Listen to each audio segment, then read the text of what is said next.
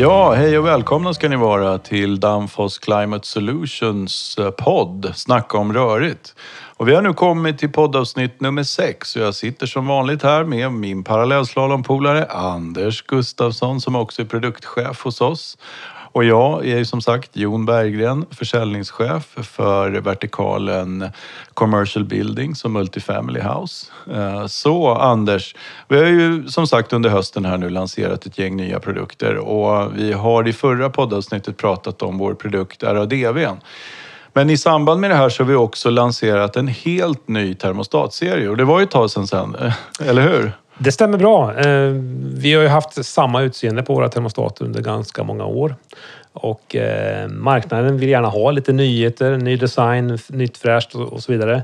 Men den största anledningen till att vi släpper helt nya termostater, det handlar mer om eh, provningsstandarden för termostater som kom helt ny 2021 när EN 215-standarden uppdaterades. Och, vi, vi håller flaggan väldigt högt när det gäller termostater. Vi vill alltid ha högsta klass på våra grejer. Så mot den bakgrunden så beslutar vi oss för att ändra hela vår produktlinje när det gäller termostater för att klara högsta prestandaklass helt enkelt. Och vad är högsta prestandaklass då? Ja, man, man, man kategoriserar termostaterna i tre klasser eh, med Control Accuracy Value som det så fint heter. Mm. Eh, I klass, eh, lägsta klass, den allra bästa, är ett Control Accuracy Value-värde på 0,2. Ja. Sen finns det 0,6 och 1,0. Och alla våra nya termostater nu klarar högsta klass 0,2. Vilket vi är otroligt stolta över. Ja men det är ju fantastiskt. Då har vi framtidssäkrat även där då kan man säga. Ja, vill man ha det bästa så vet man vad man ska välja. Eller hur? Jajamän, så är det. Och det är ju Danfoss förstås. Eh, vad finns de här i för anslutningar? Jo, det är, vi har ju RA-fästet som vi haft sedan 1985. Det har vi ju fortfarande.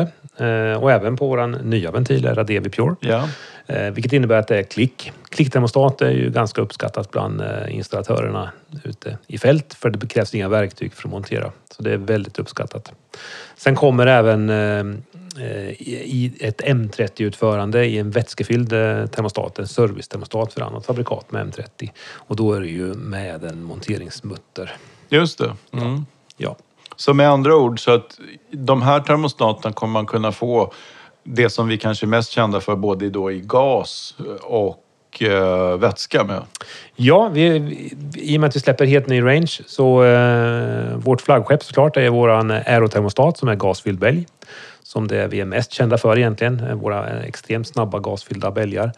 Och sen har vi ju även de vätskefyllda bälgarna som är helt okej okay termostater, eh, men håller inte absolut premiumklass som en gas gör. Och skillnaden mellan gas och vätska, det handlar om förstärkningsgraden, hur, hur pass mycket spindelrörelse du får per mm. grad som ändras i rummet och hur lång svarstiden är på en temperaturförändring.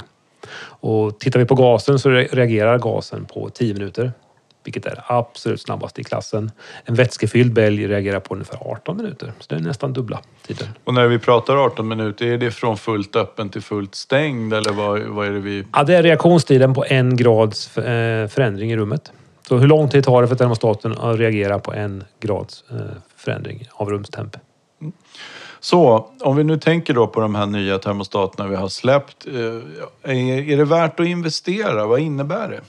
Ja, eh, jämför du då eh, gas med vätska, alltså aerotermostaten med våran projekttermostat Redia som den heter, så är det så att eh, i och med att gasen har en högre förstärkning och en snabbare reaktionstid eh, så sparar vi ungefär upp till 2% mer energi bara genom att välja rätt termostat. Det är i det här fallet gas då.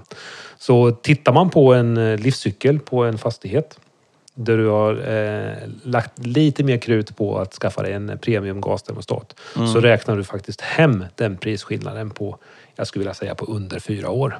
Ja, det är så pass i alla fall. Ja. ja, det är spännande. Det är verkligen intressant ju. Mm. Så även om en vätskefylld termostat gör sitt jobb bra, man ska absolut inte underskatta en vätskefylld termostat, men en gas är faktiskt 2% bättre. Just det, så att där hör ni alla där ute som lyssnar att här har vi alltså släppt en mer energieffektiv eh, effektiv eh, termostat på marknaden som hjälper att spara energi. Stort tack Anders! Ja, men, tack!